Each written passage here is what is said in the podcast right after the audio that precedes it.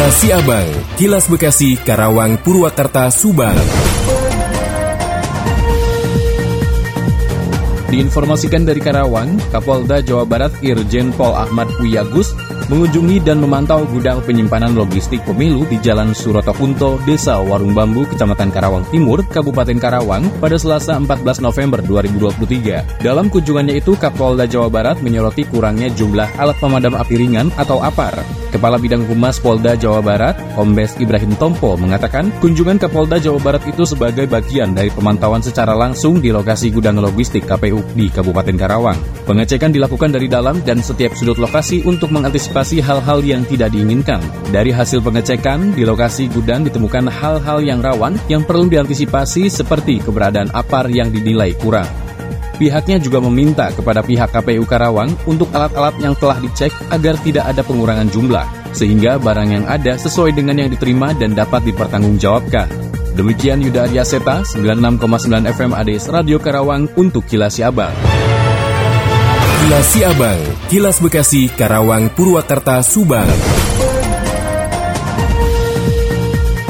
Akhirnya teh dari Subang dibewarakan, Unit Perlindungan Perempuan dan Anak atau PPA Polres Subang melaporkan penanganan 66 kasus pencabulan anak sejak awal Januari 2023. Faktor-faktor seperti pergaulan, media sosial, dan kedekatan dengan pelaku menjadi pemicu utama kejadian pencabulan. Kepala Unit PPA Aibtu Nenden Nurpatima SH mengungkapkan bahwa sebanyak 66 kasus pencabulan anak di bawah umur telah ditangani oleh unitnya sejak awal tahun 2023. Kasus-kasus tersebut melibatkan berbagai tahapan penanganan mulai dari putusan ponis di pengadilan, pelimpahan ke kejaksaan hingga proses penyidikan yang masih berlangsung.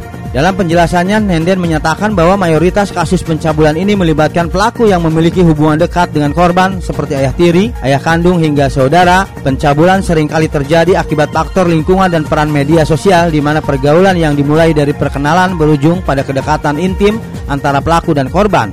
Sementara itu, Kepala Seksi Pidana Umum Kejaksaan Negeri Subang, Pinos Permana SH menambahkan bahwa di Subang perkara yang cukup tinggi adalah narkotika dan kekerasan terhadap anak. Kasus-kasus tersebut tercatat sebagai hasil limpahan dari Polres Subang. Pinos menegaskan bahwa untuk kasus kekerasan terhadap anak, pihaknya tidak ragu untuk menuntut terdakwa dengan hukuman tinggi. Ini karena tindakan pelaku terhadap korban dianggap merusak generasi bangsa. Demikian Coco GSP Radio ngabewarakeun untuk Kilasi Abang. Kilas Siabang, Kilas Bekasi, Karawang, Purwakarta, Subang. Terminal Induk Bekasi saat ini mulai melakukan berbagai persiapan menyambut liburan perayaan Hari Raya Natal dan Tahun Baru Nataru 2023-2024. Kepala Terminal Induk Bekasi Hermawan mengatakan belakangan ini jajarannya tengah disibukkan oleh serangkaian rapat koordinasi dan konsolidasi dengan sejumlah stakeholder. Rapat koordinasi yang berlangsung intens dilakukan bersama dengan Kementerian Perhubungan, khususnya Direktorat Perhubungan Darat, Polres Metro Bekasi, serta pemerintah kota Bekasi. Rapat lintas sektoral tersebut juga telah berlangsung sedari awal November lalu, di mana dari hasil rapat tersebut pihak Kementerian Perhubungan meminta kepada sejumlah pengelola terminal untuk membuka posko Nataru per tanggal 19 Desember 2023 sampai dengan 3 Januari 2023. Sementara untuk rapat bersama dengan pihak Polres dan internal Pemkot, saat ini pihak terminal juga masih menunggu surat pelaksanaan rapat koordinasi. Saat ini diketahui pihak terminal Induk Bekasi telah melakukan antisipasi berupa penyediaan angkutan di mana pada tahun ini pihaknya telah menyiapkan 217 bis antar kota antar provinsi atau AKAP dan bis antar kota dalam provinsi atau AKDP. Ardi Mahardika Radio Dakta 107 FM melaporkan. Kilas Siabang, Kilas Bekasi, Karawang, Purwakarta, Subang.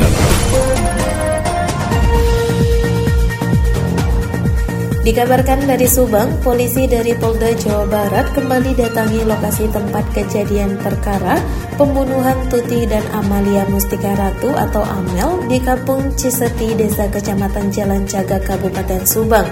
Pada Senin 13 November 2023, polisi pun membawa beberapa barang bukti ke TKP tersebut.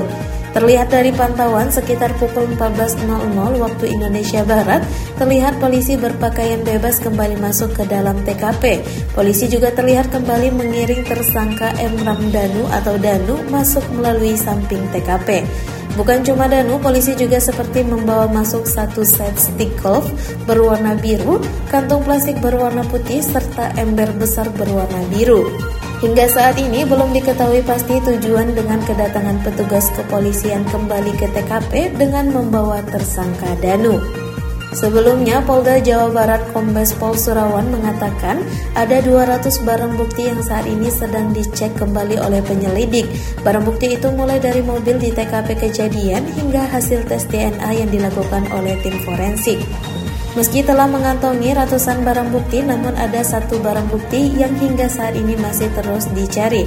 Surawan menuturkan barang bukti yang dimaksud ialah sebilah golok yang diduga kuat digunakan tersangka untuk mengeksekusi korban tersebut.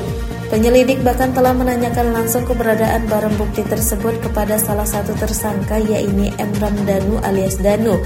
Menurut Surawan, Danu mengaku tidak tahu keberadaan golok yang dimaksudnya. Sekedar diketahui kasus pembunuhan Tuti dan Amel yang terjadi pada 18 Agustus 2021 silam terungkap usai keponakan sekaligus sepupu dari korban yaitu Emram Danu yang menyerahkan diri ke polisi beberapa waktu lalu.